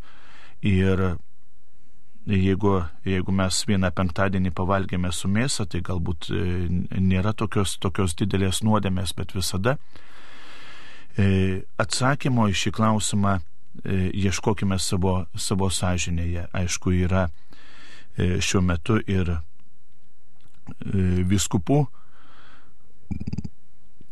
paskelbtos atitinkamos nuorodos apie, apie pasninką ir ir penktadienius kaip atgailos dienas. Taigi, e, bet jeigu mes galime penktadienį nevalgyti mėsos, tai iš tikrųjų e, raginčiau laikyti šitos gražios tradicijos tiek, kiek, tiek, kiek mums yra įmanoma. E, dar vienas e, klausimas, kada pagaliau bus dvasinis atgimimas. Į šį klausimą turbūt galime atsakyti kiekvienas asmeniškai, kada bus man dvasinis atgimimas. Galbūt mano dvasinis atgimimas yra tada, kada aš e, prieinu, prieinu iš pažinties, nuoširdžiai priimu komuniją, kada nuoširdžiai dalyvauju šventosiuose mišiuose, įsiklausau į Dievo žodį ir taip toliau. Taigi ir tas dvasinis atgimimas, manau, manau, tai yra nuo kiekvieno asmeniškai taip pat daug priklausantis e, dalykas. Dvasiškai atgimti aš galiu, galiu visada. Ir dvasinė pažanga tai yra to, toks dalykas, kada mes, e, mes augame tikėjime Dievo pažinime nuolat. Kaip geriau pasirenkti e, išpažinčiai, tai iš tiesų į šį klausimą jau truputėlį truputėlį peržvelgėme, e, nebijokit e, išpažinčiai renktis, nebijokit e, atsiversti maldaknygėse esančią sąžinę sąskaitą ir tuos klausimus peržvelgti neskubant. Labai svarbu, kad iš pažinties metu mes, mes sakytumėm tuos dalykus, kurie, kurie yra tai, kas nepavyko, ne tai, kiek mes esame esame idealūs ar didingi, bet tai, kas, e, kas, e, kas nepavyko, kur yra atstumas tarp mūsų šiandienės situacijos ir, ir mūsų, mūsų idėjų, kurias galbūt deklaravome, kurias galbūt e, savo e, esame įsikėlę. E, nėra gerai, kai e, iš karto įeiname į bažnyčią ir iš karto puolame iš pažinties. Tai reikėtų, kad e, nurimtumėm, susikauptumėm, kad e, iš tiesų, kaip minėjau, peržvelgtumėm sąžinę sąskaitą e, ir galbūt e, vertėtų išpažinčiai ruoštis bent jau pusę valandos prieš pačią išpažinti, kada iš tikrųjų apmastome savo tą laikotarpį nuo paskutinės išpažinties iki, iki dabartinio, dabartinio laiko. Raginčiau e, išpažinti atlikti prieš šventasias mišes arba po šventųjų mišių, e, bet e, nebėgti iš pažinties, kada yra, pavyzdžiui, koks nors pakilėjimas ar taip toliau, kada mes atitrūkstame iš, nuo šventųjų mišių, na nebent yra yra daug žmonių laukiančių iš pažinties ir nėra kitos galimybės. Bet jeigu jau yra galimybė, tai, tai ateikim taip, kad galėtumėm nurimti, susikaupti, atlikti sąžinės sąskaitą ir tik tai tuomet eiti, eiti iš pažinties. Kodėl kunigai nekomentuoja Senojo testamento skaitinių? Iš tikrųjų, e, Senojo testamento skaitiniai yra e, lygiai taip pat komentuojami kaip ir, kaip ir Naujojo testamento skaitiniai, žinoma, e, bažnyčioje ar tai homilijų metu šventojo rašto skaitiniams reikia ir daugiau galbūt laiko skirti. Taigi raginčiau, kad ypatingai miestuose, kur yra kokia nors šventojo rašto studijų grupelė ar, švent, ar diskusijų grupelė, drąsiai tenai dalyvautumėte ir tikrai tose grupelėse yra komentuojami ir Senojo testamento, ir Naujojo testamento e, skaitiniai. Ir jeigu atkreipėte dėmesį, e, kai mes e, skaitome e, sekmadienio skaitinius. Pirmasis skaitinys, jis visada yra iš Senojo testamento ir jis dažniausiai atitinka Evangelijos mintį. Taigi ir Evangelijoje mes galime, galime jausti tam tikrą Senojo testamento tasą, tam tikrą, tam tikrą pagrindinės minties paaiškinimą. Dar vienas klausimas. Kaip švesti šventes, kai šeimoje žmonės yra įvairių pažiūrų? E, iš tiesų tai yra labai svarbus klausimas ir, ir drįščiau, drįščiau spėti, kad šis klausimas e, ateityje bus, bus dar svarbesnis, kada e, iš tiesų e, gyvename niveliuotoje visuomenėje, kada e, daug, daug netikinčių, daug e, išpažįstančių kitas E, kitas religijas ir kaip švesti šventes. Taigi, iš tiesų, jeigu jau mūsų, mūsų šeimoje yra žmogus, kuris išpažįsta e, kitą tikėjimą arba, arba yra netikintis, galbūt sakyčiau, kad mes, mes turėtumėm laikytis kompromiso. Taip jau stengtis, kad, e, kad e, neįskaudint to, e, to žmogaus, galbūt e, jiems, jam parodyti mūsų tradicijų gražiasias pusės, atsakyti į klausimą, kodėl, e, kodėl viena ar kita, e, kita tradicija mūsų šeimoje yra, ką ta tradicija galėtų reikšti.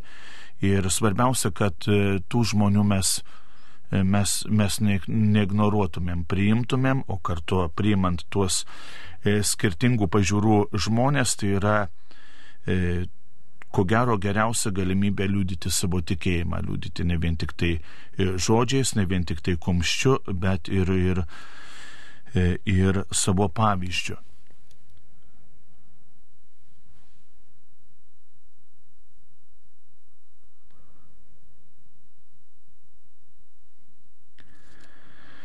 Kodėl reikia melstis už mirusiuosius, jei jau meldėmės per laidotuvės vėlinės, apskritai jie prisimename kiekvienose šventosiuose mišiuose, kurios aukojamos bet kokią progą. Iš tiesų, e, šventajame rašte, Senajame testamente yra Makabėjų knygoje yra parašyta, kad šventa ir dievota mintis melstis už mirusius. Melst, e, melsdamiesi mes prašome viešpaties gailestingumo, o, o kartu ir e, savo patiems ištvermės, kad mes galbūt klaidų kokiu nors nekartotumėm, kad mes mokytumėmės iš tų e, žmonių e, gyvenimo pavyzdžio.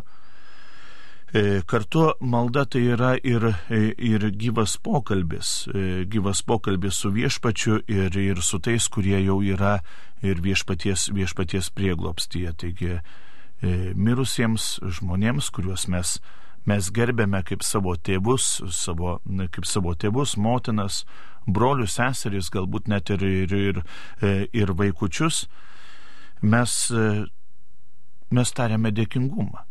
Ačiū, kad buvai, ačiū, kad, e, kad buvai man, man pavyzdžių, ačiū, kad keliavai kartu su manimi ir aš tau linkiu, linkiu tik tai visako geriausio. Tai yra E, tai yra viešpaties, e, viešpaties artumos. Iš tikrųjų labai yra graži, e, graži tradicija, kada mes melžiamės už mirusiuosius ne tik per laidotuvės, e, bet ir per 30 dieną po mirties, tarkim, metinės, kai būna koks nors e, mirties jubiliejus, mes prisimename, prisimename tą žmogų, kad jis buvo, kad jis buvo mums pavyzdžių, dėkojame viešpačiu už tą žmogų.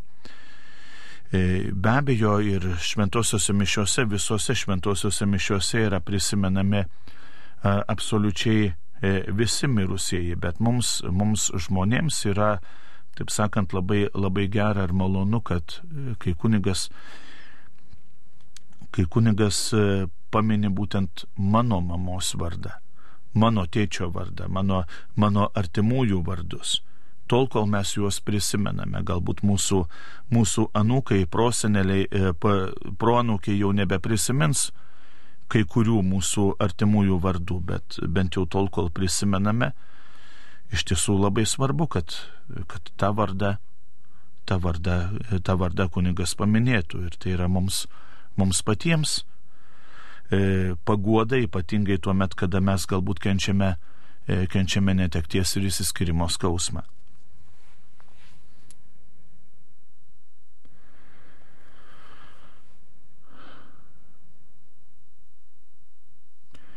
Kaip paaiškintumėte popiežiaus pranciškaus mintį, yra sinodinė bažnyčia arba nėra bažnyčios?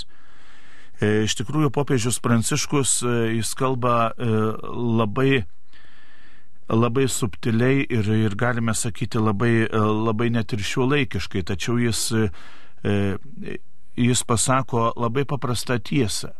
Kas yra bažnyčia? Bažnyčia tai yra, tai yra bendrystė, tai yra bendruomenė, žmonių bendruomenė. Mūsų sinodo, sinodo tema yra bendruomeniškumas, bendra keliaivystė. Taigi sinodinė bažnyčia yra tada, kada mes keliaujame kartu.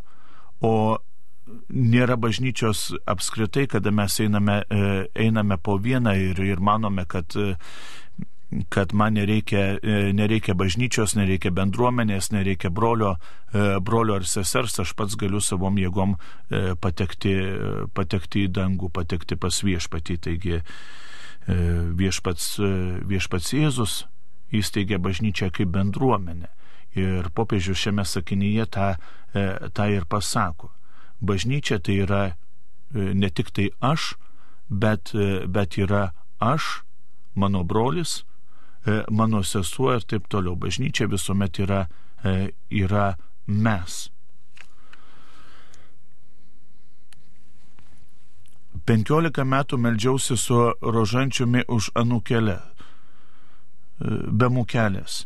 Jis man parvežtas iš Vatikano, ar mald, mano maldos galioja. E, taigi, nežinau, mielas klausytojo ar mėla klausytoja, e, iš tiesų rožinis yra mums tik tai pagalba.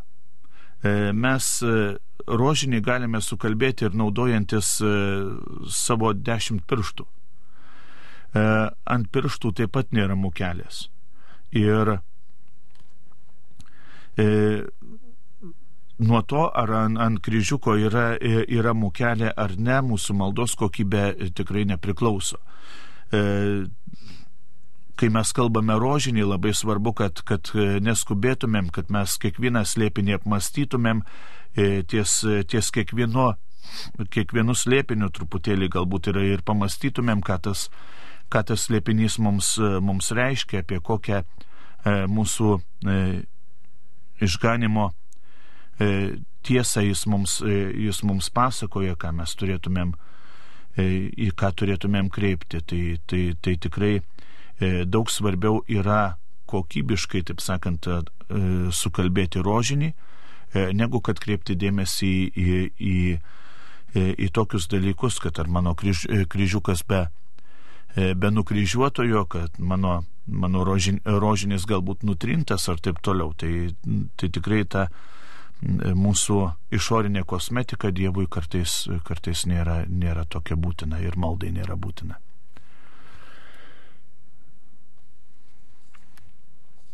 Šiais metais esu įsipareigojusi melstis už kunigus. Noriu paliūdyti, kad e, pradžioje judu, e, jutau vidinį pasipriešinimą, bet po to atsiverė kunigo kaip dvasinės motinos pašaukimas tarnystė. Suvokiau, koks tai sunkus, daug savęs atidavimo reikalaujantis darbas. Dėkoju Dievui už tą suvokimą ir tai yra labai e, graži, e, graži žinutė ir kartu kvietimas nepaliauti e, melstis už kunigus. Iš tiesų kunigai jie nėra kažkaip tai atskirti nuo, nuo visuomenės, nuo tam tikrų galbūt visuomenėje slypinčių ir pavojų, ir, ir duobių.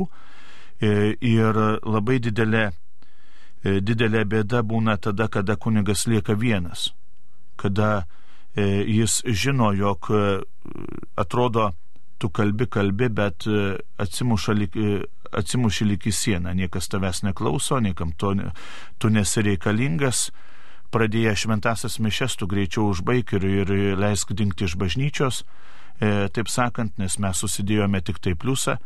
Ir tuomet prasideda ir tas, e, galima sakyti, ir pašaukimo krizė, kunigystės krizė, kada kunigas yra vienas, kada jaučiasi, kad niekas jo nepalaiko. Taigi norisi, norisi raginti ir kviesti brangius tikinčiuosius, nepaliaukit melstis už kunigus, kad iš tiesų kunigai pirmiausia būtų e, Evangelijos nešėjai ir įnešėjai į aplinką. E, ir kartu ir patys tą, tą Evangeliją gyventų. Taigi kunigas, jis pirmiausia yra žmogus, jis pirmiausia yra vaikas, Dievo vaikas ir jam taip pat, e, taip pat e, reikalinga, kaip šitoj žinutėje rašoma artuma, net galima sakyti ir motinystės, dvasinės motinystės, dvasinės tėvystės artuma. Taigi e, iš tiesų bažnyčia yra bažnyčia tuo met, kada, kada mūsų rankos yra ištiestos į kitą ranką. Ir ir kunigo, ir, ir gydytojo, ir dar kažko tai, taigi mes melskime vieni už kitus. E, kodėl jaunimui visais laikais nebuvo noro lankyti pamaldas? Iš tikrųjų, e, labai, e, galima sakyti, toks tiesmukas klausimas. Į šį klausimą norėtųsi atsakyti ir pasvarstyti taip pat klausimu, ar tikrai E, nebuvo noro lankyti pamaldas. E, mes galėtume truputėlį prisiminti ir popiežių šventąjį Joną Paulių II, kada jis įsteigė pasaulinės jaunimo dienas ir jau daugiau negu, negu 20 kartų turbūt įvairiose pasaulio šalyse susitinka jaunimas ir susitinka milijonai žmonių šlovinti viešpatį. Tai tikrai nuvykę tenai mes matome, kad e, jaunas žmogus visada norėjo šlovinti viešpatį, e, visada norėjo garbinti, garbinti Dievą ir garbinti taip, kaip turi garbinti bažnyčią. Bažnyčia niekuomet nėra mirusiųjų bendruomenė, bažnyčia, bažnyčia turėtų viešpatį garbinti džiugiai. Tai va, į šį klausimą norėtųsi irgi e, atsakyti tokiu pasvarstymu, ar aš džiugiai garbinu viešpatį. Ar jaunimas pamatęs mane bažnyčioje, galėtų sakyti, kad gera ten būti, kad e, tas žmogus yra apsikrėtęs džiaugsmu, taip, kad net ir aš noriu tuo džiaugsmu apsikrėsti. Taigi ir palaikykim, e, palaikykim tą jauną žmogų, kada jisai ypatingai ruošiasi sutvirtinimo sakramentui, kada jis e, galbūt ir savo aplinkoj jaučia tam tikrą priešiškumą ar net, netgi ir pašaipas. Jam tai yra E, tai yra labai svarbu, kad e, kažkas kartu su juo meldžiasi, kad kažkas tai jį, e, jį paremė šiame, šioje tikėjimo kelionėje. Taigi ir taip kategoriškai teikti, kad, kad vat, visada jaunimas nenori dalyvauti pamaldose, tai tikrai e, negalima. Ar ne melagystė, jei ant paminklo parašo, pavyzdžiui, Jonaičių šeima, o palaidotas tik Jonaitis? Ačiū, ačiū už atsakymą. Tai iš tikrųjų e, turbūt, turbūt nemelagystė, nes yra vilties, kad e, po, po kiek laiko e, į šią kapavietę bus palaidoti ir kiti šeimos nariai.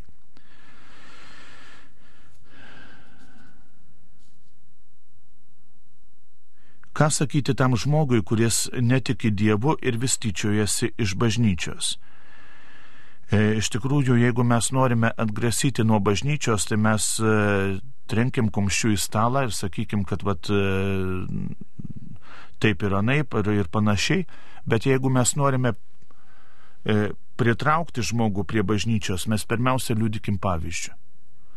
E, štai kokie mes esame krikščionys. Mes esame džiugus krikščionys, mes esame tie, kurie, kurie pasitikime viešpačiu, mes esame tie, kurie, kurie e, ne vien tik tai e, žinom, kaip turėtų būti, koks turėtų būti gyvenimas, bet tie, kurie gyvenam tą gyvenimą, kurie, kurie gyvenam Evangeliją.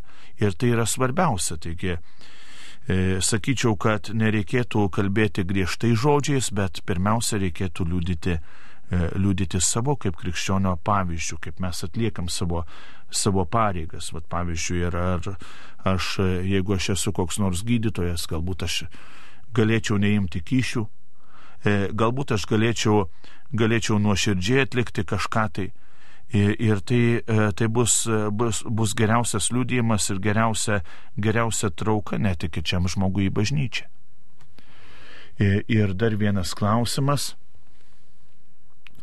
Kuningas neleido krikšto tėvų būti žmogui gyvenančiam be santokos sakramento. Šeima nusivylusi pasijuto atstumti, o ketino pradėti lankyti bažnyčią. Gal pradžioje tos durys galėtų būti platesnės. E, iš tikrųjų, kunigas pasielgė tinkamai. E, ir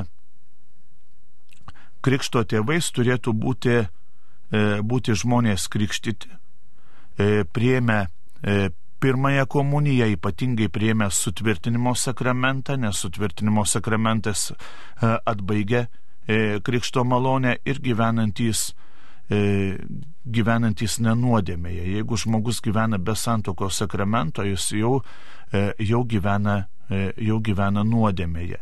E, ir e, galbūt kuningas galėtų kaip nors e, daryti kokią nors išimtį, jeigu žmogus jau ruošiasi santokos sakramento prieimimui. Bet jeigu nėra tokios, tokios net mažiausios vilties, kuningas neturi teisės leisti tam žmogui būti, būti krikšto tėvu. Kai žmogus pasiruoš santokai, priims santokos sakramentą, tada jis galės būti ir krikšto tėvu. Taigi e, bažnyčios durys tiems e, žmonėms nėra uždarytos, e, sakramentams reikia, reikia ruoštis, ruoštis toje pačioje bažnyčioje ir taip toliau, kad, kad jie galėtų priimti, priimti santokos sakramentą, o po to ir būti, būti gerais krikšto tėvais, gerai, gerai liudyti tikėjimą vaikučiams. Mūsų e, laida, šiandienė laida Klausk drąsiai eina į pabaigą. Dėkoju Jums, mėly Marijos radio klausytojai, linkiu, kad e, pergyventumėm šį, e, šį laiką kartu su švenčiausia mergelė Marija ir viešpačiui mes būtumėm tokie gražūs kaip tie žolynai, kuriuos atsinešime pirmadienį per per žolinės ir prašysime, kad, e, kad palaimintum, kad ir mūsų gyvenimas skleistų tokį gražų, tokį brangų, brangų kvapą viešpačiui. E, šioje laidoje e, dalyvavau aš, kuningas Nerijus Pipiras, garbė Jėzui Kristui.